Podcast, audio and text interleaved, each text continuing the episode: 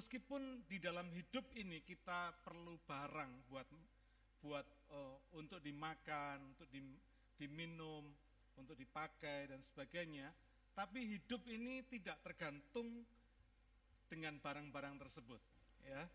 Enggak tergantung dengan barang-barang yang kita miliki.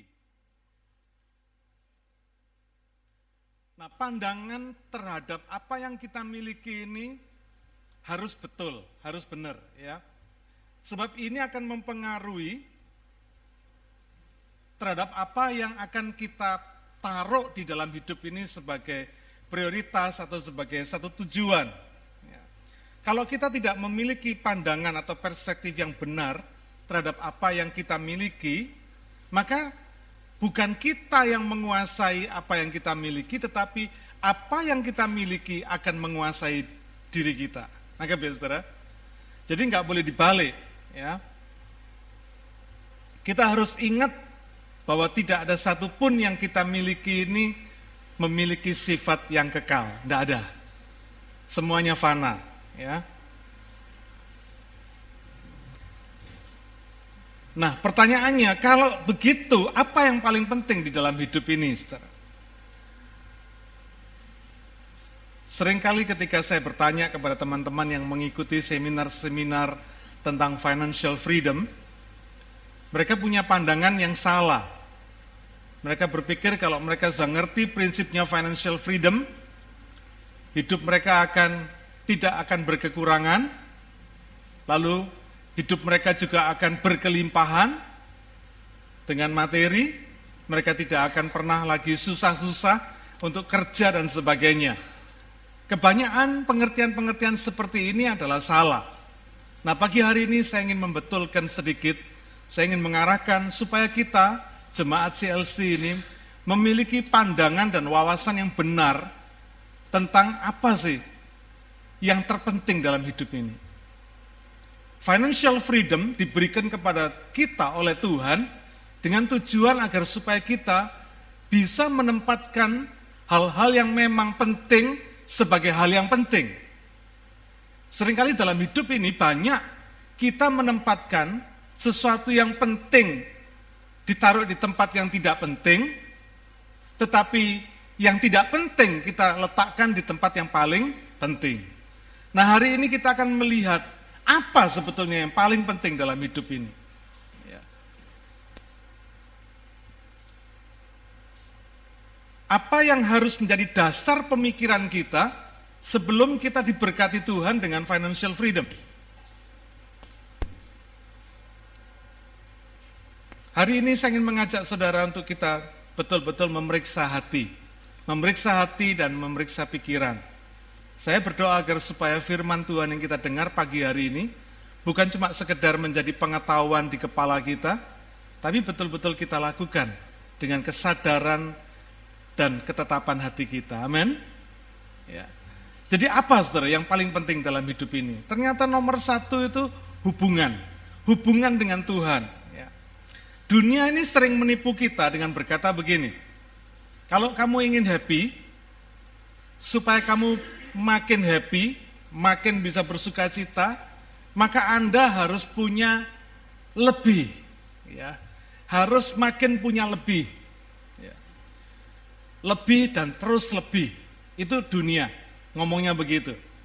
Jadi kalau Anda kepingin sukacita, lebih sukacita, maka Anda perlu lebih kaya, lebih sukses, ya, lebih berharga, lebih penting lagi, lebih aman, dan sebagainya. Ini yang dikatakan oleh dunia. Kalau kita mau sukses atau mau happy, dibutuhkan sesuatu yang lebih. Ketika Rockefeller ditanya oleh seorang wartawan, Anda sudah jadi konglomerat, sudah jadi orang kaya begini, kenapa Anda masih ngotot kerja seperti ini? Lalu dia menjawab, saya ingin lebih, sedikit lagi, katanya saudara. Sampai kapan? Dia bilang, sampai saya berhenti untuk menginginkan lebih sedikit lagi, katanya saudara a little bit more katanya. Saudara, gak pernah ada habisnya. Karena memang dunia mengatakan seperti itu. Kalau kamu kepingin makin happy, makin sukacita, maka kamu harus punya lebih. Ya. Lebih dan lebih terus. Gitu. Kelihatannya filosofi seperti ini tidak salah. Ya. Tetapi pada dasar prinsipnya salah besar. Kenapa saudara? Ini akan mengarahkan kita kepada apa yang kita miliki. Nangkep gak saudara? Ya. Supaya apa yang kita miliki itu bisa lebih dan lebih lagi. Kalau punya satu rumah, kalau bisa lebih lagi jadi dua rumah, kira-kira begitu. Kalau punya satu mobil, kalau bisa lebih lagi dari satu mobil. Kelihatannya nggak apa-apa, tetapi tanpa sadar, kalau kita percaya terhadap apa yang dikatakan oleh dunia ini, maka konsentrasi dan fokus pikiran kita, pandangan kita akan tertuju kepada apa yang kita miliki. Kita akan terus berlomba untuk membuat apa yang kita miliki itu menjadi lebih, lebih, dan lebih. Ya. Benarkah hal ini?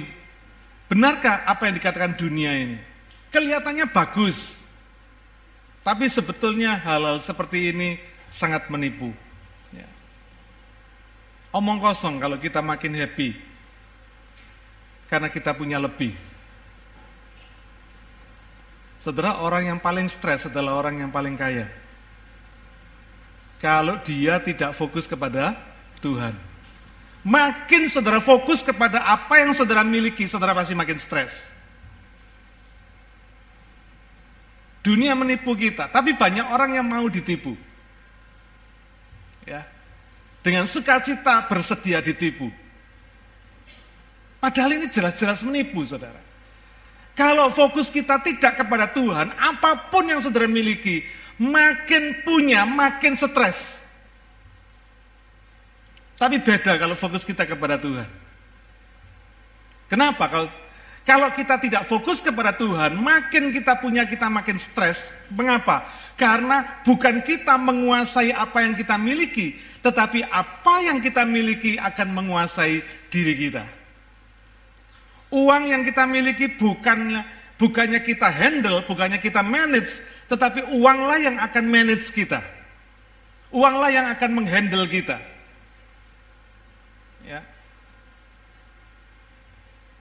Karena itu pagi hari ini betul-betul saya ingin mengajak saudara untuk berpikir. Tanpa hubungan dengan Tuhan, maka apa yang kita makin lebih makin punya, itu akan bikin kita makin stres. Kenapa? Karena Tuhanlah sumber sukacita dan damai sejahtera kita. Amin. Kalau kita fokus hidup kita kepada Tuhan, maka berapapun yang saudara miliki tidak akan pernah mengontrol saudara. Tidak akan bikin saudara stres. Ya. Saudara ditambahi juga tidak akan bergoyang, berkurang pun juga tidak akan goyang juga. Saudara akan memiliki hati dan pikiran yang tetap tenang, sukacita dan damai sejahtera. Kenapa? Karena saudara memiliki keyakinan di dalam hubungan dengan Tuhan ini. Nah, hubungan dengan Tuhan inilah yang selalu berusaha diganggu oleh roh-roh dunia ini. Berusaha diganggu oleh hal-hal yang bukan berfokus kepada Tuhan konsentrasi kita kepada hubungan kepada Tuhan ini, itu yang berusaha untuk didistracted, ya, dibelokkan arahnya. Sehingga kita dari Tuhan, kita dibelokkan kepada apa yang kita miliki. Sehingga tanpa sadar kita akan menjadi budak dari apa yang kita miliki. Mestinya kita jadi tuan dari apa yang kita miliki, tetapi kalau kita tidak fokus kepada Tuhan, maka apa yang kita miliki akan menjadi tuan bagi kita. Kita akan nurutin apa yang kita miliki. Ya. Ada peribahasa, the greatest things in life are not things. Sesuatu yang paling besar di dunia ini bukan benda, bukan barang, bukan things. Kita lahir di dunia ini nggak bawa apa-apa, betul? Tangan, kaki nggak bawa apa-apa. Dari mana asalnya stres? Kenapa kita khawatir? Ya. Itu menunjukkan ketika kita makin dewasa, ketika kita makin besar, ketika kita bisa makin berpikir, ketika kita bisa makin kerja. Dulu waktu saudara kecil kan nggak pernah stres kan? Nggak pernah tuh ada anak kecil bilang, aduh gua stres. Kenapa? Nggak megang duit. Nggak ada. Pernah ada yang dengar anak kecil stres karena nggak megang duit? Enggak. Kemarin ada seorang orang tua yang ngomong sama saya, anaknya selalu bilang, ah papi mami sudah pasti punya duit. Anak kecil enggak, enggak akan pernah berpikir dia stres karena nggak megang duit, saudara. Karena dia yakin, dia tahu betul orang tuanya pasti punya duit. Tapi ketika dia mulai kenal duit, dia mulai berpikir untuk mencari duit, dia mulai stres. Ya. Karena lahir ini nggak bawa apa-apa, maka kita akan tinggalkan dunia ini juga pasti nggak bawa apa-apa. The Great Alexander atau Alexander Agung ketika dia meninggal dia pesan supaya peti matinya dilobangin kiri kanan supaya tangannya bisa dikeluarin jadi di peti, di peti matinya Alexander Agung itu tangannya dikeluarin saudara. untuk supaya menunjukkan kepada orang yang melihat peti matinya bahwa dia sang Alexander Agung yang bisa menguasai hampir separuh dunia pada zaman itu, pulang tidak bawa apa-apa, tangannya kosong. Saudara, karena itu hidup ini juga nggak tergantung kepada kepemilikan, nggak tergantung kepada prestasi pencapaian kita.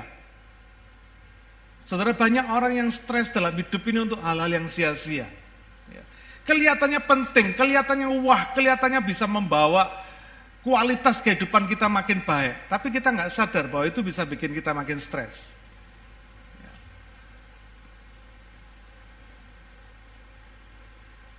Hidup ini tidak tergantung dari tabungan kita, tapi tergantung dari hubungan kita. Coba saya kasih tahu kiri kanan. Eh, nggak tergantung dari tabungan ya, tapi tergantung dari hubungan.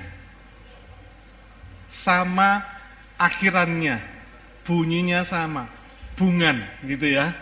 Tapi beda dua huruf ini sudah beda pengertiannya. Bukan tabungan, tapi hubungan. Amin. Ya, ingat-ingat itu saudara. Yaitu pertama hubungan kita dengan Tuhan, yang kedua hubungan kita dengan orang lain. Ini penting. Karena hubungan kita dengan Tuhan itu akan tercermin dari hubungan kita dengan orang lain. Omong kosong kalau orang itu bisa ngomong, wah saya punya hubungan baik sama Tuhan, tapi kalau hubungan hubungannya sama orang lain, tidak baik. Omong kosong saudara. Tidak mungkin. Karena hubungan baik dengan Tuhan ini akan tercermin dari hubungan baik kita dengan orang lain. Itu pasti tercermin. Tidak mungkin tidak. Karena itu orang Kristen dikatakan seperti anak domba di tengah-tengah serigala.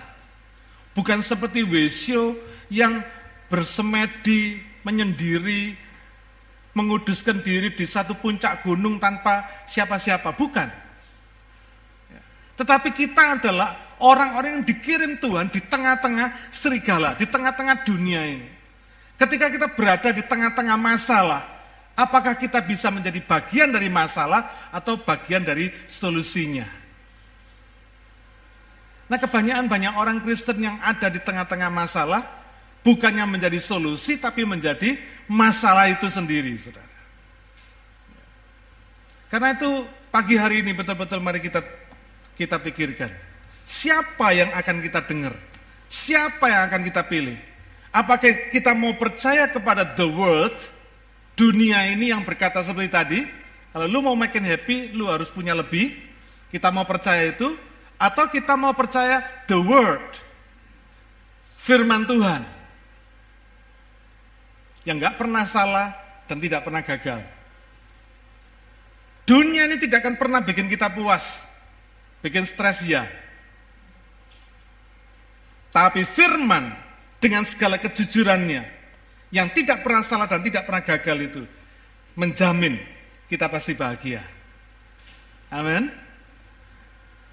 Saya bersyukur di saat-saat muda saya, ketika saya masih berumur 19 tahun, saya kenal Yesus secara pribadi.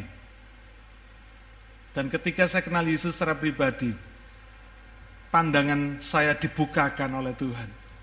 Sehingga saya tahu, oh, apa yang paling penting dalam hidup ini? Yaitu tadi saudara, hubungan sama Tuhan dan hubungan sama orang lain. Ini paling penting, saudara. Ya.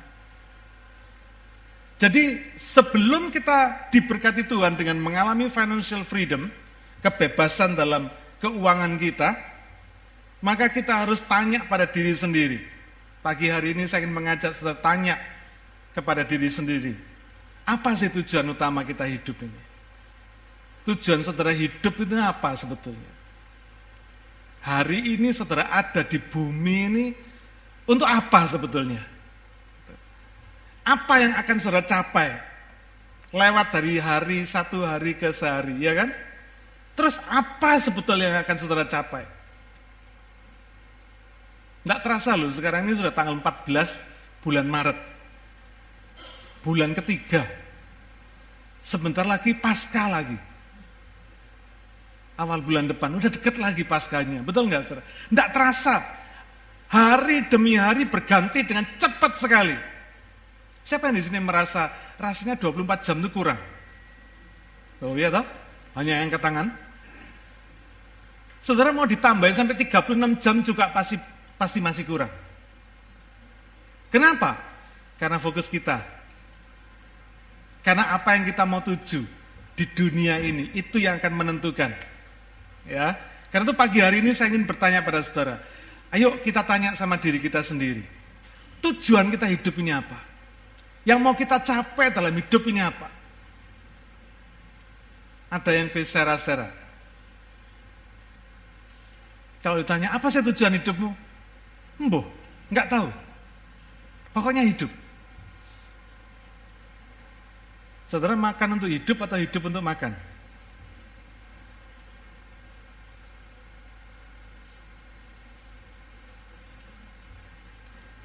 Buat PR ya, coba pikirin. Saudara ini hidup untuk makan atau makan untuk hidup?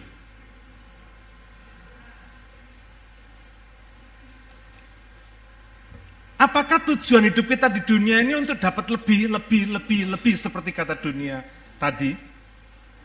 Kalau begitu, coba tetapkan. Saudara mau lebih sampai sampai seberapa? Kira-kira begitu ya. Coba tetapkan. Lukas 12 ayat 15 berkata demikian. Katanya lagi kepada mereka, berjaga-jagalah dan waspadalah terhadap segala ketamakan. Sebab walaupun seorang berlimpah-limpah hartanya, hidupnya tidaklah tergantung daripada kekayaannya itu. Dahsyat firman Tuhan ini. Ini baru kedoknya dunia dibongkar. Ternyata apa yang diajarkan dunia untuk lebih, lebih, lebih, lebih, lebih, tadi itu adalah sebuah ketamakan sebuah keserakahan. Meskipun ngomongnya sedikit. I want to have a little bit more. Kelihatannya enak, saudara ya? Salah enggak? Enggak. Enggak salah, kelihatannya enggak salah. Tapi tanpa disadari, itu yang diajarkan adalah ketamaan atau keserakahan. A little bit more. Saya ngasih contoh, saudara. Saudara kan pernah makan toh? Karena pernah makan maka pernah kenyang, ya toh?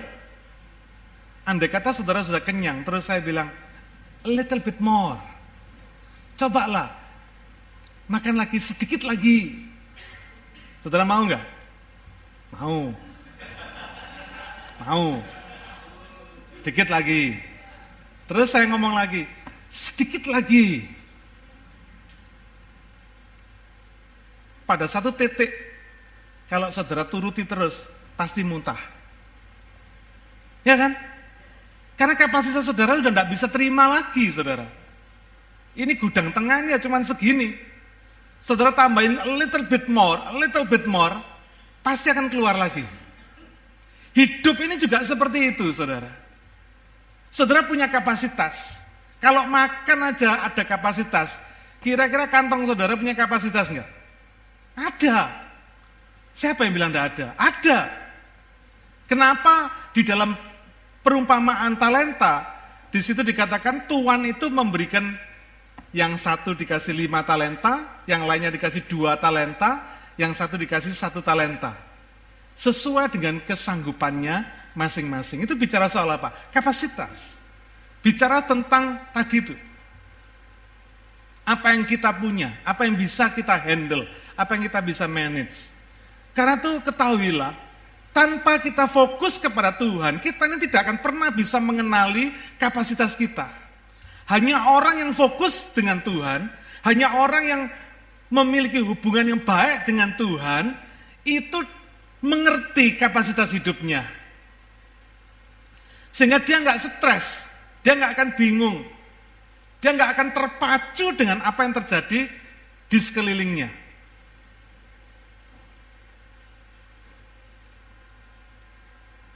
Biarpun di sekelilingnya orang semua punya mercy misalnya saudara ya.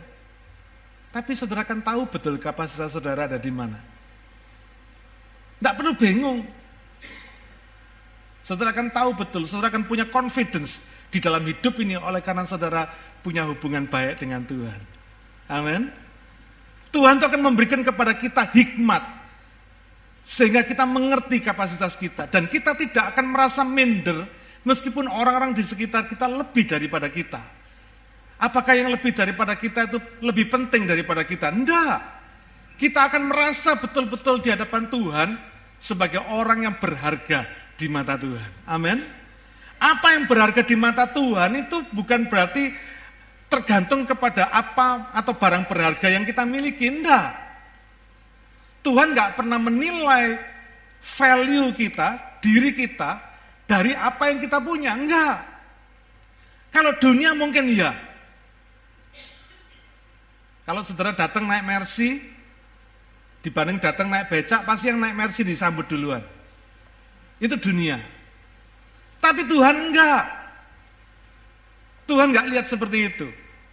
Tuhan membuat kita betul-betul confidence di dalam hidup ini. Dan tidak tergantung dengan apa yang terjadi di sekitar kita. Kita betul-betul diberikan kemantapan hati. Supaya kita bisa melihat apa yang paling penting. Dan apa yang dipandang penting oleh Tuhan. Itu saudara. Kalau kita bisa lihat apa yang dipandang penting oleh Tuhan dan kita ada di dalamnya. On the track di situ hidup saudara pasti berbahagia. Ketika saudara punya lebih, saudara akan berbagi. Ketika saudara kurang pun saudara tidak akan pernah bingung. Karena saudara tahu, di mana ada kekurangan, di situ akan ada berkat mengalir. Amin.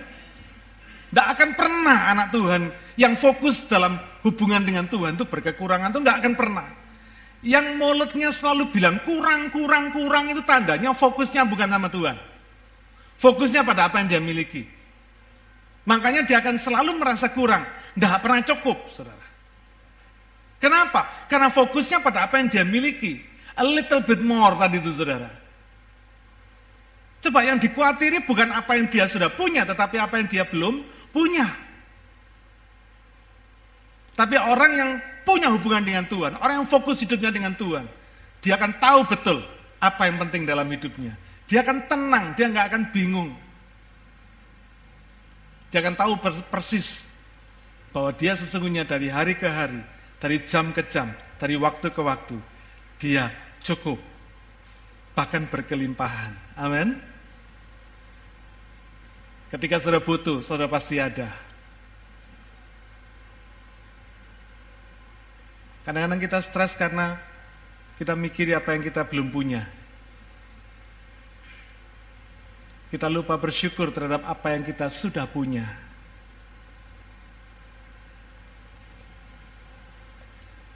Lukas 12 ayat 15 tadi ini mengingatkan kita supaya apa? Berjaga-jaga dan waspada terhadap segala ketamaan atau keserakahan.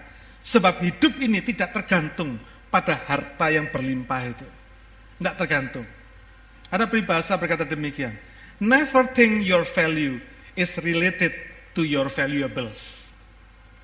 Jangan pernah berpikir harga diri saudara, nilai hidup saudara itu tergantung pada barang berharga saudara.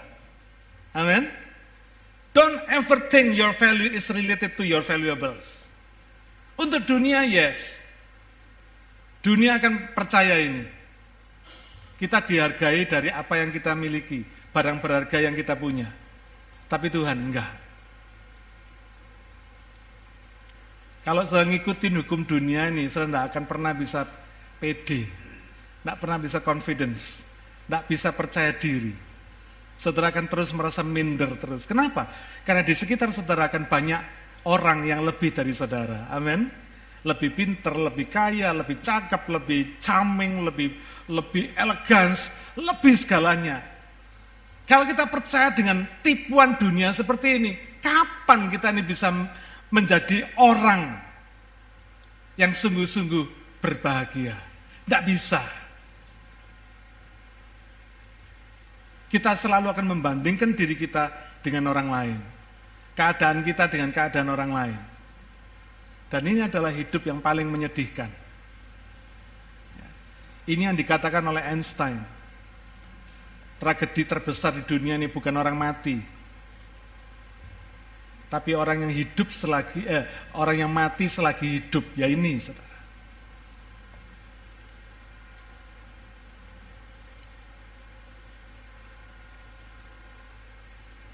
Hubungan dengan harta tidak akan bisa bikin kita bahagia. Karena fokus kita akan diarahkan kepada tabungan kita, bukan hubungan kita dengan Tuhan. Tapi hubungan kita dengan Tuhan itu yang bikin kita bahagia. Saya percaya orang yang memiliki hubungan baik dengan Tuhan, tidak bakal dia kekurangan. Enggak bakal. Dia pasti berkelebihan. Yohanes 10 ayat 10 berkata, aku datang untuk memberikan apa? Hidup. Dan hidup yang berkelimpahan. Udah pasti saudara. Udah pasti. Enggak bakal kita berkekurangan.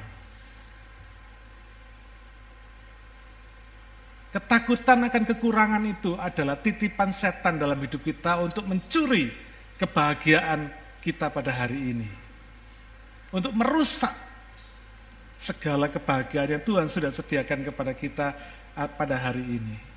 Kita takutnya kan pada hari besok, ya kan? Padahal hari besoknya belum ada. Yang ada hari ini. Ketakutan, kekhawatiran kita akan hari besok tadi itu, akan the future tadi itu, sudah merusak kebahagiaan kita pada hari ini. Harinya belum ada sudah dirusak. Yang ada sudah dirusak lebih dulu. Oleh karena apa? Kekhawatiran kita. Siapa di sini yang punya roh kekhawatiran ini? Saya minta hari ini dilepaskan. Amin. Khawatir nggak dapat kerjaan, khawatir nggak dapat jodoh, khawatir nggak dapat PR, khawatir nggak punya duit, gitu ya Segala khawatir, khawatir, khawatir, khawatir ini semua sudah merusak hari-hari yang akan datang. Padahal harinya belum ada. Yang pasti sudah merusak hari ini. Yang sudah ada. Mikiri hari kemarin bocah. Tidak ada gunanya. Pikiri hari ini. Dan biarlah kita tatap hari depan dengan penuh keyakinan. Amin. Tuhan tidak akan pernah bisa bikin kita kekurangan. Dia akan menjamin kehidupan kita, tidak berkekurangan. Nah, kalau kita ingin menempatkan hubungan dengan Tuhan ini, kalau sampai saya khotbah sejauh ini, saudara belum nangkep, walahu alam. Tapi kalau, kalau saudara sudah nangkep, puji Tuhan. Gitu ya. Sehingga kalau kita tahu bahwa hubungan dengan Tuhan ini yang harus ditempatkan menjadi satu tempat yang paling penting dalam hidup ini, maka mulai dari sekarang kita mesti punya langkah. Langkah praktis, amin.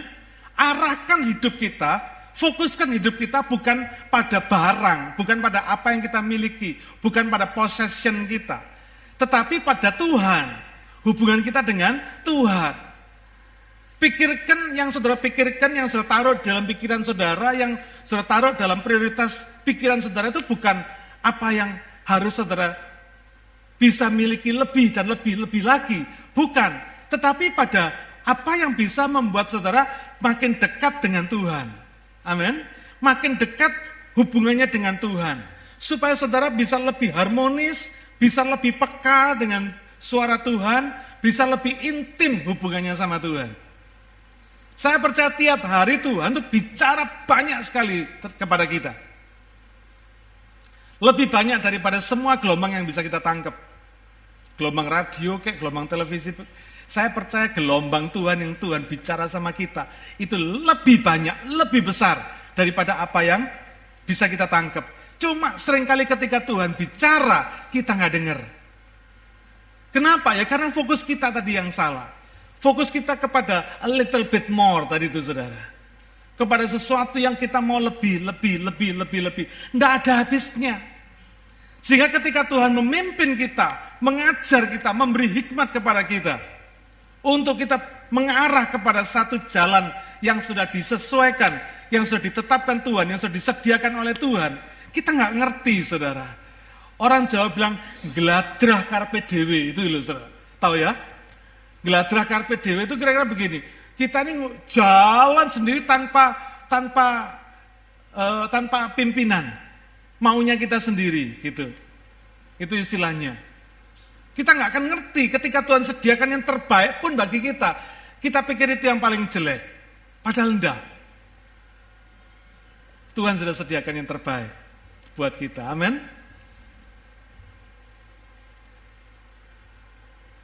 Apa saja yang bisa bikin hubungan kita dengan Tuhan lebih dekat, lebih harmonis, lebih intim.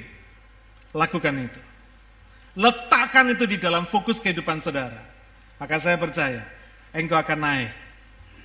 Ulangan, kitab ulangan berkata, kitanya akan naik dan gak akan pernah turun. Amin. Kitanya akan tetap di atas, tidak akan pernah ada di bawah. Pasti saudara. Kenapa? Karena Tuhan itu selalu akan membimbing anaknya untuk naik, bukan untuk turun. Tidak bakal. Bapak dunia aja nggak akan pernah berpikir bikin anaknya turun ke bawah. Tidak pernah toh ada bapak yang berkata, cita-cita saya bikin anak saya lebih melarat dari saya. Tidak ada toh. Tidak ada. Itu bapak dunia. Apalagi bapak di sorga. Tidak bakal. Amin. Dia akan bikin kita naik. Naik. Naik. Dahsyat saudara. Ya.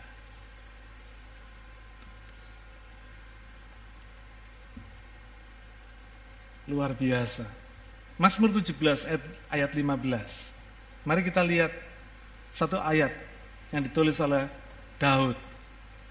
Mazmur 17 ayat 15. Firman Tuhan berkata demikian, tetapi aku dalam kebenaran akan kupandang wajahmu. Dan pada waktu bangun, aku akan menjadi puas dengan rupamu. Bahasa Inggris, as for me, I will behold thy face, righteousness. I shall be satisfied when I awake with thy likeness. Ini Daud. Karena itu dalam hidup Daud, meskipun dia mengalami jatuh bangun karena kecerobohannya sendiri, dia enatnya terus di atas. Amin. Tidak pernah di bawah. Karena dia tahu Aku mau memandang wajahmu, kata kata Daud, di dalam kebenaran. Maka ketika aku bangun, aku akan puas karena melihat rupamu, melihat your likeness, melihat wajah Tuhan di dalam kehidupannya.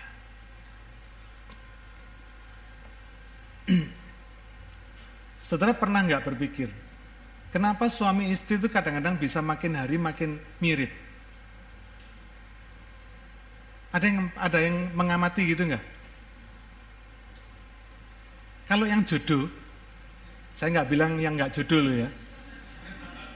Yang cuma asal sabet saya nggak ngomong itu loh ya. Tapi yang jodoh betul-betul yang dari Tuhan. Nanti makin hari saudara merit, makin hari makin mirip. Padahal sebelumnya enggak. Tapi lama-lama makin mirip. Demikian juga kalau saudara pandang wajah Tuhan. Setiap hari saudara punya hubungan dekat dengan Tuhan. Setiap hari saudara melihat wajahnya. Saudara nanti merasa berbahagia. Puas karena saudara itu bangun tidur bersama Tuhan. Saudara rasakan hadiratnya dalam kehidupan saudara. Saudara merasakan ketenangan yang melampaui segala akal dalam kehidupan saudara. Amin. Itu unbelievable. Unbelievable sekali. Daud tahu yang terpenting yang harus dia lakukan. Memusatkan pandangannya kepada Tuhan. Akibatnya dia puas dalam hadirat Tuhan. Saudara, orang yang seperti ini adalah orang yang paling berbahagia. Pertanyaannya, saudara lahir kan sudah nangis, ya kan? Tidak ada kan? Orang lahir ketawa gak ada kan? Lahir pertama mesti diceples dulu sama dokter supaya kita nangis. Lahirnya nangis, mosok nanti matinya nangis lagi saudara? Siapa yang kepingin matinya nangis lagi? Kalau bisa lahirnya nangis, matinya ketawa. Amin. Menjadi orang yang berbahagia, mati dalam senyum. Mati berbahagia, mati dalam hadirat Tuhan. Saya selalu ingat engkongnya Markus. Umur 98 tahun. 98 tahun. Masih melayani. Jadi aser. Masih besuk jemaat. Luar biasa enggak saudara? Kalau sudah lihat fotonya nggak percaya kalau dia umur 98. Kelihatannya masih umur 70. Lalu mau meninggal, masih bisa menyanyi, masih bisa berdoa, masih bisa perjamuan kudus, masih bisa pamitan semua. Habis itu tidur, berangkat di dalam senyum. Luar biasa nggak saudara? Nah kalau bisa kita ini sudah lahirnya nangis, matinya senyum dong. Matinya ketawa gitu. Matinya bukan sebagai orang yang sedih gitu ya. Tapi sebagai orang yang penuh sukacita dalam hidup ini. Saya pernah khotbah, kalau saudara lahir melarat itu masih nggak apa-apa, jangan nyalakan siapa-siapa. Tapi kalau mati miskin, salahkan diri saudara sendiri. Karena kita nggak pernah didesain tuh jadi orang miskin di dunia ini, amin. Karena itu saya berharap kita semua jemaat CLC ini mem memiliki pengertian ini. Supaya kita betul-betul hidup di dunia ini menikmati segala berkat yang terbesar, yang terbaik yang Tuhan sudah sediakan. Amin. 1 Korintus 2 ayat yang ke-9 mengatakan, apa yang tidak pernah dilihat mata, apa yang tidak pernah didengar oleh telinga, apa yang tidak pernah terpikirkan oleh pikiran kita dalam hati kita, itu yang sudah disediakan oleh Tuhan bagi setiap orang yang mengasihi Dia. Nah, ini kuncinya mengasihi dia, hidup fokus kepada Tuhan. Ini kuncinya. Hubungan dengan Tuhan, nomor satu. Yang kedua hubungan dengan sesama. Ini nomor dua. Karena tidak mungkin saudara bisa menjalin hubungan baik dengan Tuhan tanpa menjalin hubungan baik dengan sesama, dengan orang lain. Mengapa banyak orang yang gagal dalam membangun hubungan baik dengan orang lain?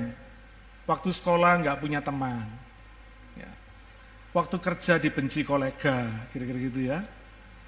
Waktu pacaran terus putus melulu. Gitu. Waktu melayani di gereja ya tengkar terus sama rekan-rekan sepelayanannya gitu. Ada loh saudara yang begini nih. Orang bilang musuhnya banyak gitu ya. Ada yang seperti ini. Lah kenapa? Apa sebabnya orang-orang ada orang-orang yang seperti ini? Ya. Filipi 2 ayat 3 dan 4 berkata demikian. Alkitab itu komplit, saudara. Resep kehidupan itu ada semua di Alkitab. Filipi 2 ayat 3 dan 4 berkata demikian. Sebaliknya, ya, hendaklah dengan rendah hati yang seorang menganggap yang lain lebih utama daripada dirinya sendiri. Dan janganlah tiap-tiap orang hanya memperhatikan kepentingannya sendiri, tetapi kepentingan orang lain juga. Ini sederhana banget. Ya. Apa yang dikatakan oleh Paulus dalam dalam suratnya kepada jemaat Filipi ini dia katakan, kalau kita mau berhasil dalam menjalin hubungan dengan sesama kita, yang pertama dia katakan, hendaklah kamu rendah hati. Nomor satu rendah hati. Saudara, tidak ada orang yang senang kumpul sama orang yang tinggi hati, itu tidak ada, saudara. Siapa di sini yang senang kumpul sama orang sombong? Orang sombong itu merasa benar terus, saudara. Dia pikir dirinya itu benar terus. Dia lihat orang lain salah terus, saudara. Orang yang begini, ada nggak? Saudara pernah ketemu nggak orang yang nyalahkan orang terus? Ketemu si A, si A salah. Ketemu si B, si B salah. Nggak pernah nyalahkan dirinya sendiri, nggak pernah. Orang lain terus yang disalahkan terus, toding terus gitu ya. Nah orang begini ini pasti sombong, saudara pasti sombong. Dia nggak rendah hati. Saya pernah mengatakan sebuah peribahasa. Mengalahlah sedemikian rupa sampai tidak ada orang yang bisa mengalahkan saudara. Dan rendahkanlah diri saudara. Rendahkanlah dirimu sedemikian rupa sampai tidak ada orang yang bisa merendahkan kamu. Kalau saudara masih bisa direndahkan, tandanya saudara masih belum rendah hati. Kalau saudara masih bisa dikalahkan, tandanya saudara belum mengalah. Amin. Ini bicara tentang attitude atau sikap kepribadian kita yang harus lebih dulu melakukan apa yang kita ingin orang lain lakukan pada kita. Kalau saudara nggak mau lihat orang orang sombong melakukan sesuatu kepada saudara, saudara juga jangan sombong. Amin. Biarlah kita rendah hati. Kita sampaikan dengan segala sesuatu yang rendah hati. Kalau kita ingin dihargai orang, biarlah kita menghargai orang lain lebih dulu. Kalau kita ingin dipandang penting sama orang lain, biarlah kita juga memandang penting orang lain lebih dulu.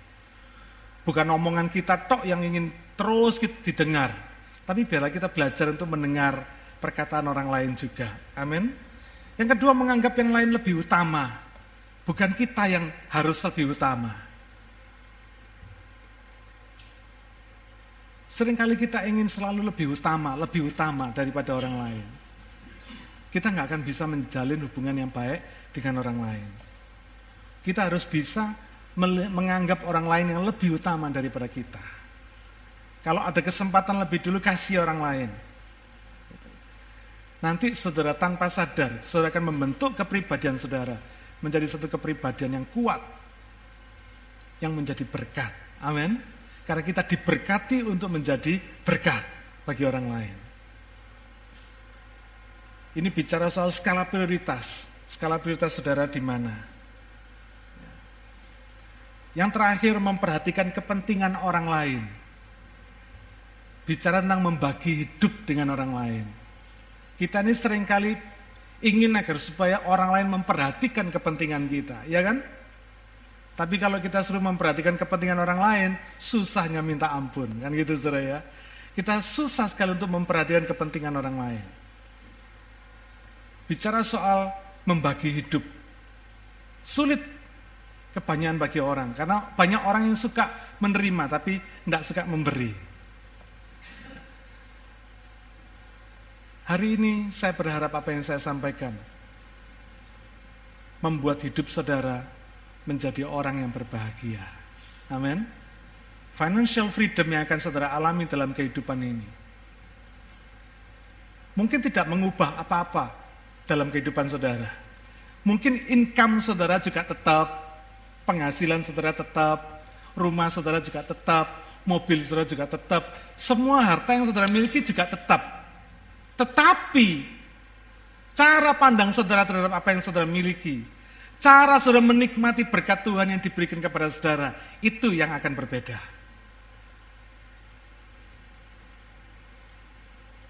Saya ingin menutup dengan satu kesaksian.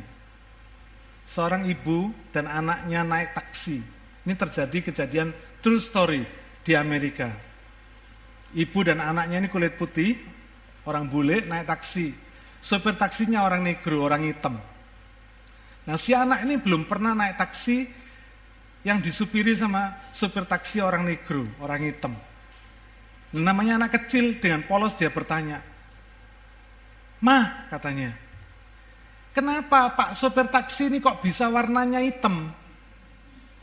Apa yang salah ini kok bisa jadi hitam? Kita putih lah, dia kok bisa hitam seperti ini apa salahnya? Wah mamanya sampai sungkan ya saudara ya. Lah supir taksi dengar anak kecil tanya begini hatinya sedih gitu ya. Dalam hati dia berkata, Tuhan saya tuh enggak, enggak minta dilahirkan dengan warna hitam seperti ini. Apa salahnya mah? Ini kok orang sopir taksi ini bisa hitam kayak begini, apa salahnya? Apa dia ini dulu salah waktu waktu anak salah makan atau bagaimana? Mamanya bilang, oh enggak nak, Pak supir taksi ini orang yang sangat baik hati. Tapi kenapa kita putih, dia kok hitam? Kalau gitu mungkin dia orang jahat ya mah. Waduh Pak supir taksi tambah lebih sedih lagi saudara. Sudah pertama diganggu urusan hitamnya, sekarang gara-gara hitam dianggap jahat. Susah dia saudara. Apa Pak supir ini orang jahat ya mah? Mamanya bilang, enggak, bukan. Pak Supir ini orang baik. Dia bukan orang jahat. Tapi kenapa kok hitam? Wah lebih sedih lagi saudara. Lalu mamanya berdoa, Tuhan tolong saya, kasih saya pengertian supaya saya bisa menjelaskan kepada anak saya ini. Lalu Tuhan kasih hikmat sama dia.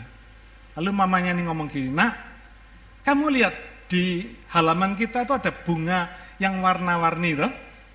Ada warna merah, ada warna hijau, warna biru, warna kuning, warna apa? Warna putih. Oh ya, kata si anak. Kamu tahu nggak bijinya bunga itu dulu warnanya apa? Itu kan kamu dulu yang mama suruh tanam toh. Kamu ingat nggak? Dulu bijinya bunga-bunga itu yang kamu tanam tuh warnanya apa? Hitam katanya anaknya. Lah, bijinya warnanya hitam, semua hitam, tapi kok bisa keluar biru, putih, kuning, merah, hijau. Kok bisa? Nah, itu tandanya.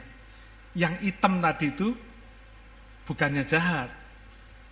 Justru hitam itu adalah benih yang Tuhan taruh supaya bisa memberikan warna yang macam-macam di dunia ini. Amin. Senang ya cerita ini? Setelah kita ini banyak sering kali terganggu oleh karena orang lain yang berbeda sama kita. Kalau orang lain berbeda sama kita, kita itu merasa risih. Tidak oh, sama sama saya. Pendapatnya tidak sama, pikirannya tidak sama, gayanya tidak sama, cara hidupnya tidak sama, makannya tidak sama, semuanya serba tidak sama. Kita ini terganggu, padahal kita lupa. Benihnya satu, Tuhan. Amin. Benihnya satu. Supaya apa? Bikin orang yang tidak sama ini membuat satu warna-warni di dunia ini yang bikin kita ini bisa menikmati keindahannya. Amin. Coba kalau di dunia ini orang wajahnya kayak saudara semua. Coba. Modelnya kayak Steven gitu semua. Atau kayak Gideon gitu semua. Jadi apa di dunia ini? Tidak ada seninya kan? Tapi kalau modelnya kayak Franco, kayak Jingke ini ya, lain saudara. Warnanya itu ada, beda. Tidak bosen kita ketemu orang wajahnya sama melulu, betul nggak saudara? Karena itu perbedaan di dalam kehidupan ini bukan sesuatu yang jahat, bukan ke, bukan sesuatu yang salah. Tetapi harus kita bisa lihat sebagai satu warna-warni kehidupan yang akan membuat hidup kita makin bahagia. Amin. Kalau suami saudara beda sama saudara, jangan marah. Kalau istri saudara beda sama saudara, jangan marah. Lihatlah itu sebagai satu variasi yang membawa kehidupan saudara makin warna-warni. Kira-kira begitu. Amin. Jadi jangan komplain, jangan marah. Amin. Nikmati saudara. Jadi ketika saudara melihat, ketika saudara jengkel melihat perbedaan itu, saudara berkata, puji Tuhan. Ada orang yang seperti ini ya. Gitu loh saudara. Jadi jangan ngomong, oh ada, oh ada sih orang kayak gini gitu ya. Saudara berkata, puji Tuhan ada orang yang seperti ini. Jadi beda. Gitu ya. Amin. Satu, hubungan dengan Tuhan. Nomor dua apa? Hubungan dengan sesama kita. Simple ya. Jadi jangan pusing mikiri apa yang saudara belum punya. Tapi nikmatilah apa yang saudara sudah punya. Itu tandanya saudara orang kaya. Orang yang kaya itu bukan yang punya duit banyak, bukan. Orang yang bisa menikmati segala berkat yang Tuhan berikan dalam hidupnya. Mari kita berdoa. Haleluya. Bapak terima kasih. Kami mengucap syukur untuk kasih setiamu dalam kehidupan kami. Kami berbahagia karena Engkau yang sudah menjanjikan hidup yang berbahagia. Kami berterima kasih bukan karena apa yang kami punya, tetapi karena kami punya Engkau, Tuhan. Kami berterima kasih karena siapa yang kami punya. Kami punya Tuhan, kami punya keluarga kami, suami, istri, anak, orang tua, sanak saudara kami, teman-teman kami semua. Kami bersyukur, kami berterima kasih, dan kami boleh berbahagia oleh karenanya. Bapak, biarlah kami nikmati hidup ini sesuai dengan rencana yang sempurna, yang sudah engkau tetapkan dalam setiap kehidupan kami masing-masing.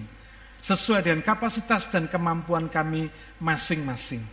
Biar kami bisa menikmati hidup yang berwarna-warni ini. Sehingga kami boleh melihat segala kebaikan Tuhan di dalam setiap perbedaan yang ada. Termasuk perbedaan-perbedaan pikiran dan perbedaan-perbedaan cita-cita dan keinginan dari setiap kami. Bapak terima kasih. Meteraikan firman-Mu yang pagi hari ini. Masukkan dalam hati pikiran kami. Dan ubahlah hati pikiran kami. Sesuai dengan firman-Mu. Supaya kami hidup berbahagia. Kami percaya Tuhan hubungan baik kami dengan Tuhan akan menciptakan banyak mujizat di dalam hidup ini. Sehingga apa yang tidak pernah kami lihat, apa yang tidak pernah kami dengar, bahkan apa yang tidak pernah terbit dalam hati pikiran kami, terjadi dalam kehidupan kami. Sesuai dengan janji firman Tuhan yang tidak pernah salah dan tidak pernah gagal. Bapak kami percaya tahun ini adalah tahun mujizat buat kami semua. Kami percaya Ketika kami sakit, kami akan melihat tanganmu menyembuhkan kami. Ketika kami kekurangan, kami akan melihat tanganmu melengkapi dan memberikan kelimpahan kepada kami. Ketika kami membutuhkan, ketika kami per, punya persoalan, tanganmu akan menunjukkan jalan keluar kepada kami. Ketika kami habis jalan, kami tidak tahu jalan mana yang harus kami tempuh, maka engkau akan menunjukkan kepada kami jalan yang seharusnya kami lalui. Bapa bersama Engkau hidup kami penuh dengan kepastian dan kebahagiaan.